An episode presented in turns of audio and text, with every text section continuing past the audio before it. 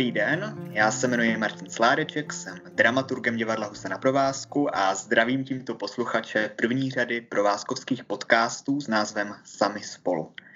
Dnes s brněnským rabínem Štěpánem Menašem Klimentem. Dobrý den, pane Klimente. Dobrý den, děkuji za možnost si s vámi povídat. Já děkuji, že jste si na nás udělal čas. Budeme si spolu povídat eh, jen malou chvíli po skončení jednoho z nejvýznamnějších eh, židovských svátků, Pesachu. Eh, mohl byste pro ty, kdo nevědí, trochu přiblížit poselství toho svátku a případně to, jakým způsobem rezonovalo v těchto současných dnech? Svátek Pesach je svátkem, kdy si připomínáme východ Židů z Egypta. Je to počátek putování, které trvalo nakonec 40 let. Po cestě eh, židovský národ dostal Tóru eh, pětných Mojžíšových, to znamená základ vlastně židovského učení. A nakonec došel do země izraelské, takže to je svátek takový velmi ústřední a konstitutivní pro židovství a to, hm, řekl bych, hlavní poselství je o svobodě, o svobodě, kterou Eh, získal eh, židovský národ, ale vlastně každý jednotlivec to východ z otroctví na svobodu a myslím si, že eh, právě tady to poselství toho osvobození se z nepříjemných svazujících podmínek a cesta do vlastně té svobody, že to je něco, co rezonuje vždycky a obzvlášť v této době. Součástí nebo jedna ze sider která se také kolem tady tohoto svátku čte, uh, obsahuje i zmínky o ranách egyptských, že jo? Ano, eh, v rány deset ran egyptských eh, vlastně předcházelo tomu odchodu a je mnoho výkladů těch deseti ran a jejich významu a jakým způsobem vlastně faraon, egyptský král, se choval skrz ty, tyto rány. Eh, já myslím, že právě v té současné době eh, je zajímavý výklad, který to vnímá ty rány jako blížící se nebezpečí. Vlastně takovým eh, obrazným způsobem je vykládá jako něco, co spochybňuje naše jistoty. Vlastně ta první rána jsou, je, je krev, která je v řece Nil, což v Egyptě byl zdroj života, ta jistota životní ta se najednou změnila eh, ve svůj opak, v nejistotu a vlastně v krev symbolizující vlastně eh, smrt. A ty rány se pořád blížily. Byly to pak žáby, které vylezly a eh, vlastně pořád se to blížilo a svým způsobem podle tady tohoto výkladu ten východ z Egypta právě přišel na konci vlastně toho, kdy všechny životní jistoty byly naprosto spochybněny a ten východ z Egypta byl vlastně zlomový okamžik, protože vzešlo z toho něco nového, významného a ne, ne konec a nějaký rozpad. Takže v tomto smyslu by se dalo říct, že Pesach je také svátkem naděje. To určitě tak je a je to něco, co židé skrz generace určitě tak vnímali a stále vnímají. A to vycházení z Egypta, ze země nesvobody, ze země Micrajim, ale nebylo úplně jednodenní, vidíte, to trvalo delší dobu. To byl velmi dlouhý proces, eh, který trval vlastně nej, nejprve skrz těch deset rána a potom vlastně to samotné, eh, ten samotný východ eh, byl, trval týden, to znamená vlastně od okamžiku té poslední rány, rány prvorozených v Egyptě, tak eh, než Izrael došel k moři, které, eh, které pak prošlo suchou nohou, tak to trvalo týden. To byla ta první taková ta nejdramatičtější fáze, řekl bych, toho útěku a v určitě velmi významnou roli tam pak eh, hrál vlastně strach před tím přechodem toho moře. To moře se nerozdělilo pro Židy jen tak, trvalo to nějakou chvíli a když nakonec byli zachráněni, tak potom je eh, čekala ještě cesta k hoře Sinaj, eh, kde dostali Tóru a nakonec 40-leté eh, putování pouští. To zní, že poselství Pesachu a příběhu na něho navázaných skutečně odráží realitu, kterou žijeme i v těchto dnech. Řada křesťanů měla možnost se zúčastnit různých online přenosů bohoslužeb a užívat si Velikonoce nebo prožívat Velikonoce tady tímto způsobem. Měli takovou možnost prožívat Pesach i židé, anebo ne? Židovské organizace a obce se snažili, a myslím si, že to je obecně všude po světě, co nejvíc využít online prostředků. Určitým limitujícím prvkem je, že v té minimálně ortodoxní části judaismu, vlastně využívání těch eh, prostředků, jako jsou počítače a další vlastně o svátku, eh, se eh, neděje. Takže v rabíni v Izraeli řešili otázku, jestli je možné využít například aplikace Zoom, která by propojila jednotlivé členy rodiny během vlastního svátku Pesach. Nakonec se ta ortodoxní část judaismu rozhodla tyto prostředky nevyužít ani v této situaci, ale ty ostatní proudy judaismu, eh, konzervativní, reformní, určitě eh, využívali i v, v tom samotném svátku. Ty ortodoxní proudy eh, využívali ty online spojení vlastně na přípravu před Pesachem, na setkání třeba hnedka po tom svátku, ale o samotném svátku ne. A jak tedy probíhaly oslavy svátku Pesach v Brně? Byly velmi individuální.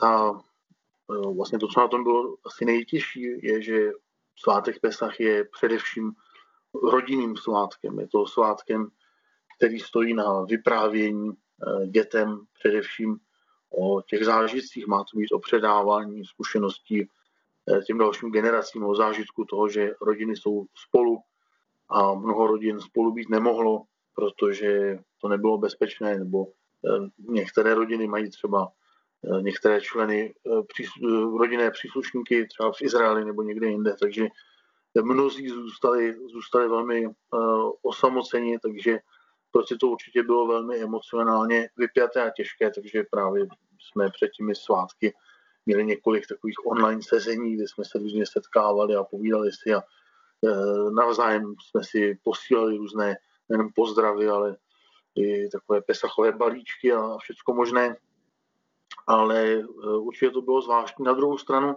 to svým způsobem eh, skutečně ten svátek přineslo do mnoha rodin, protože mnoho židovských rodin eh, bylo zvyklých ten svátek slavit třeba spíš na obci a takhle vlastně ho museli udělat doma.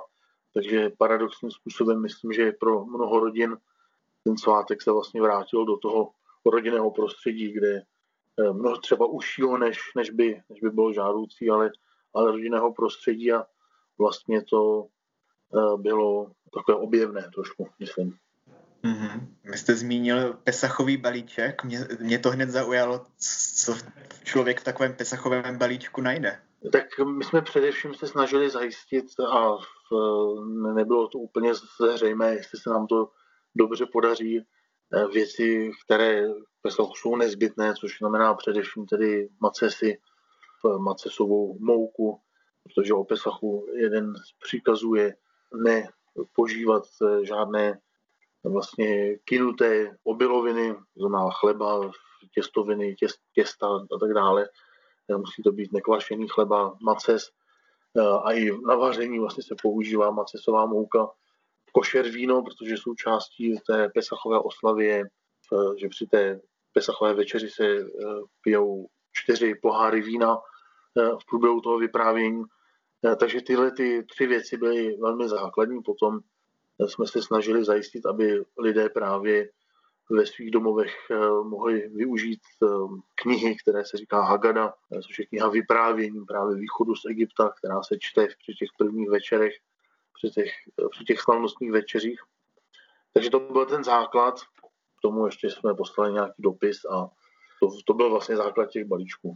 Mm-hmm. Jinak eh, ještě vlastně Lauderova škola v Praze dělala takový obsáhlejší balíček, kde ještě byly různé omalovanky pro děti tematické a talířek takový speciální na tu uh, Pesachovou Séderovou večeři.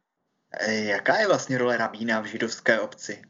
Jak, jak si mohu představit náplň vaší práce? Tak náplň mojí práce konkrétně je trošku jiná možná než v řekl bych, klasický tradiční rabín obce a ono se to mění, jak se mění eh, doba a potřeby eh, společnosti a lidí.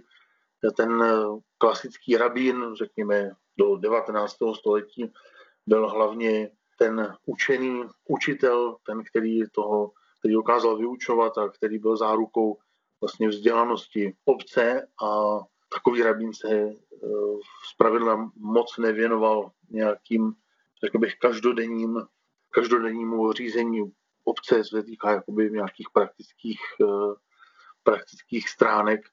V dnešní době rabín je čím dál tím víc eh, člověk, který je takový, řekl bych, eh, programový ředitel židovských obcí, kde se snaží udělat co nejatraktivnější programy pro, pro členy své obce a Eh, starat se o jejich, eh, řekl bych, nějaké osobní eh, potřeby. Je to určitě takový, řekl bych, možná člověk, na kterého se lidé obrací o radu a zároveň stále platí to, že rabín vyučuje, takže tady ta, řekl bych, kombinace těch věcí je náplň mojí práce.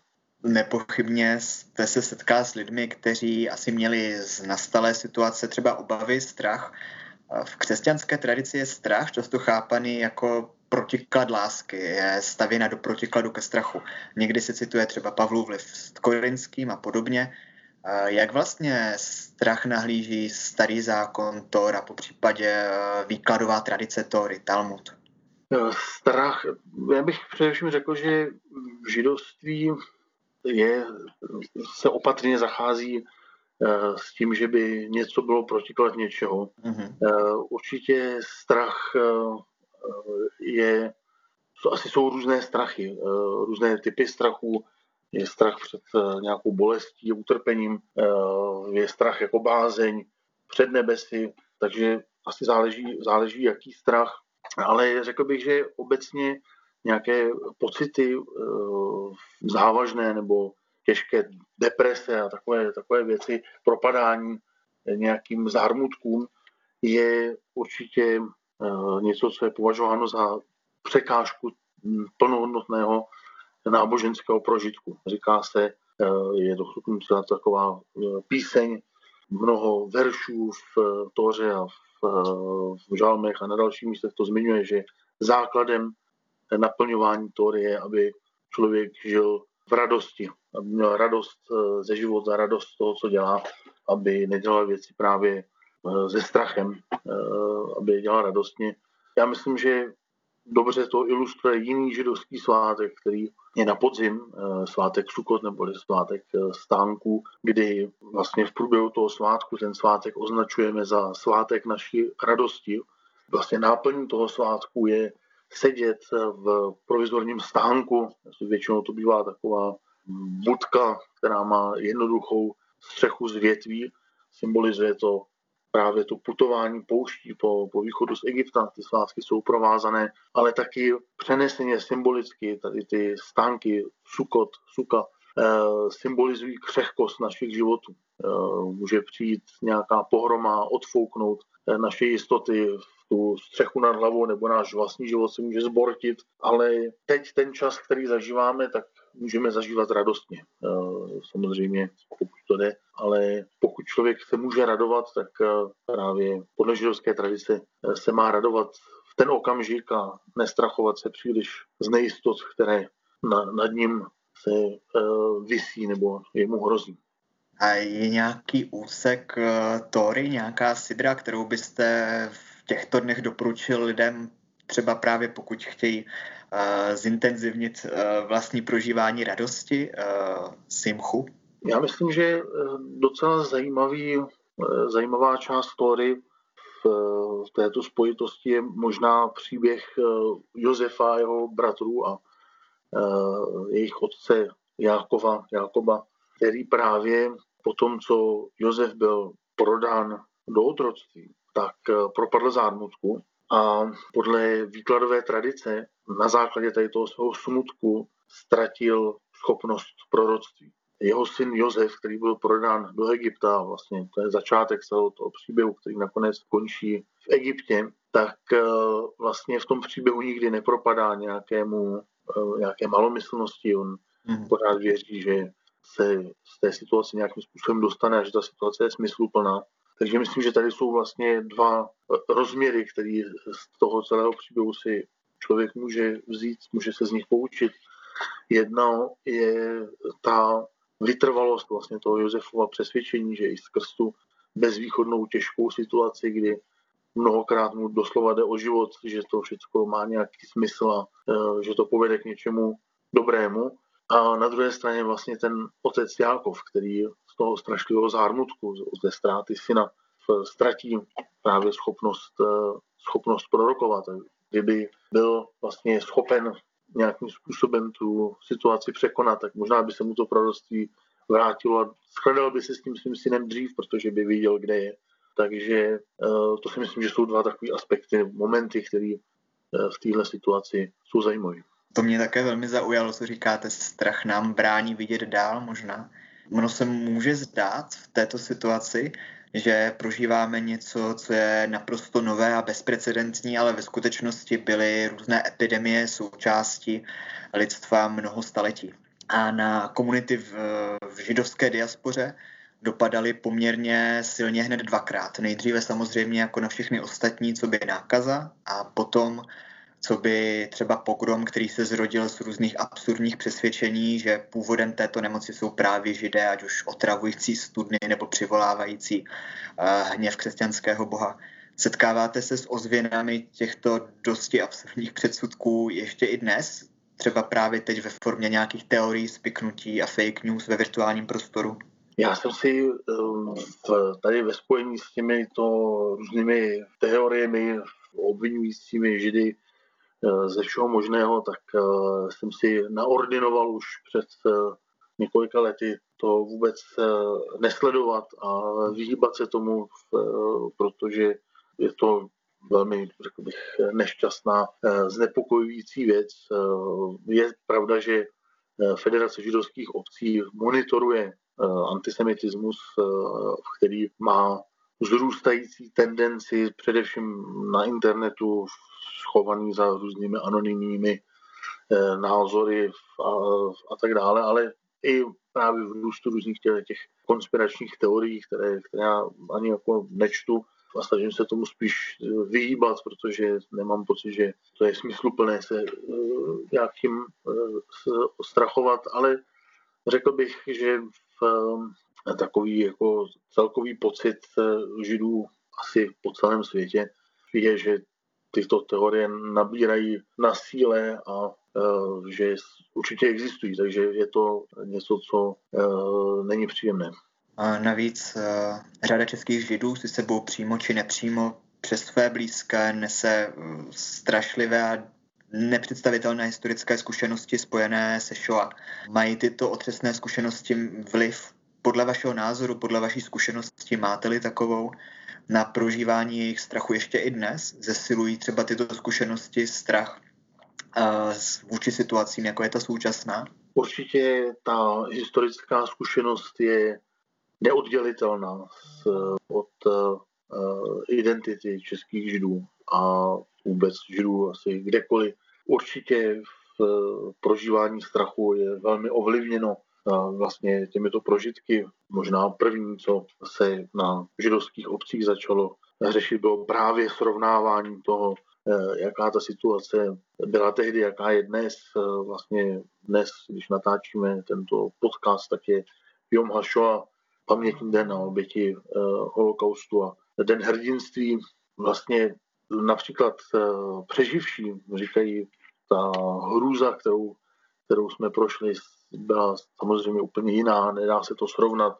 Ta situace dnešní je těžká, především právě v té osamělosti, oddělení, odloučení, ale to utrpení židů za, za holokaustu je něco nepředstavitelného. Takže určitě to, to, to vnímání té situace ovlivňuje. Eh, řekl bych, že pro mnohé lidi to ovlivnění je takové, že když se ty události srovnají, tak eh, ta současná situace eh, ztrácí trošku na své, řekl bych, závažnosti nebo těžkosti. Já si pamatuji na jedno chasické podobenství, tuším, že z knihy Jiřího Mordeché Langra Sedm bran, které zdá se mi jakoby vyvěralo z úcty ke každému jednotlivému životu a nabádalo k jakési solidaritě.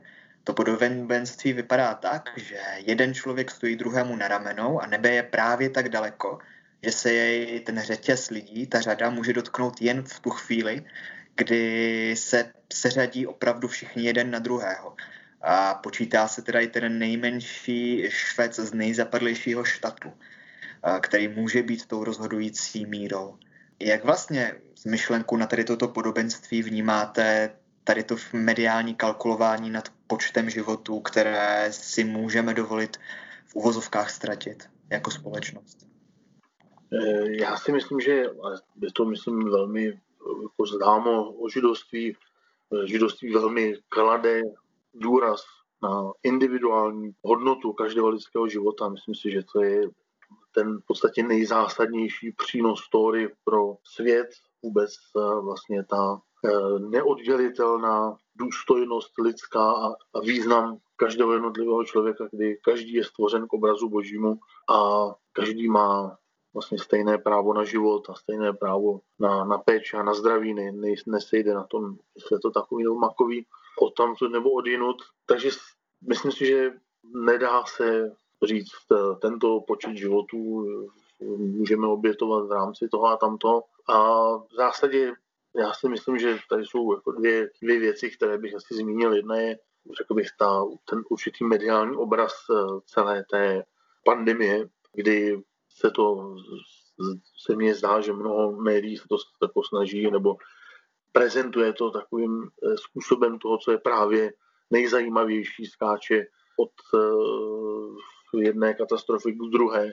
Ten obrázek je takový, řekl bych, z mého pohledu nečitelný, eh, takový eh, bombastický. A pak je druhý, druhá stránka lidí, kteří musí dělat nějaká rozhodnutí právě tohoto typu, jako kdy otevřou co a jak to bude fungovat a co to bude mít za následky a musím se přiznat, že bych nechtěl být v jejich kůži. Já jsem se o vás dočetl, že jste studoval v izraelské ortodoxní ješivě Or Samech a také na Švédském institutu židovských studií. Jak vnímáte hlasy, které v souvislosti s koronavirovou pandemí kritizují pokročilý proces globalizace a zároveň jedním dechem volají potom, aby se uzavřené hranice už třeba vůbec neotevíraly? Já to vnímám velmi kriticky. Já si myslím, že to je hloupost, to je nesmysl. Myslím si, že je to proces, který probíhá co lidstvo trvá, že se lidi potkávají a stávají se čím dál bližšími a nevidím nějaký přínos toho, že se zavřeme eh, do nějakých malých celků. Myslím si, že tady ta myšlenka nějakých národních států a nějakého oddělení lidí pomocí eh, uzavřených hranic, eh, že to se všechno zkoušelo a mělo to dostatečně špatný následky na to, aby se to zkoušelo znova. Myslím si, že jsou to názory lidí, kteří vlastně ty názory mají pořád takové a teď jenom se jim ta pandemie hodí k tomu, aby, aby tyto svoje názory zdůrazňovali.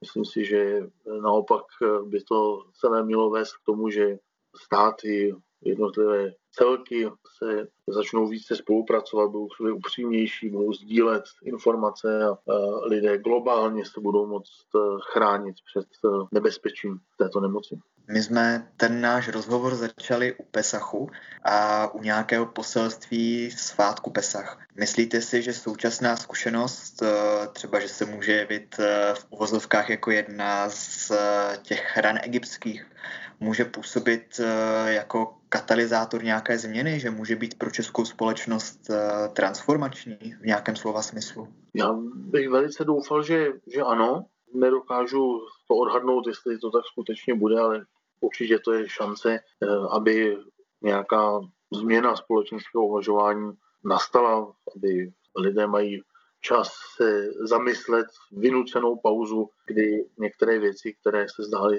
jasné a samozřejmé, tak eh, jsou, jsou buď to úplně pryč, nebo jsou velmi narušeny. A myslím si, že to může, dokonce má vést k nějakému hlubšímu zamyšlení, ale jestli to povede nebo nepovede nějaké změně, to bych si neopovážil odhadnout. A tak možná už jen eh, poslední otázka.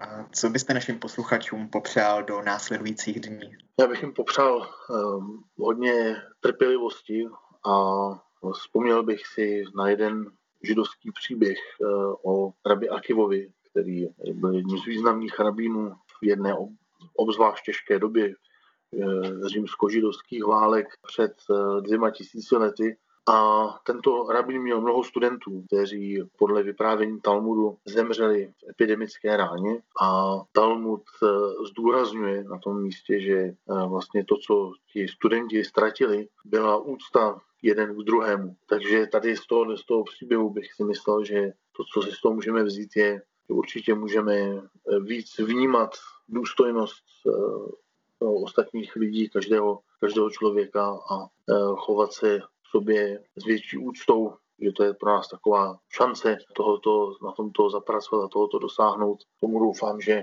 najdeme sílu.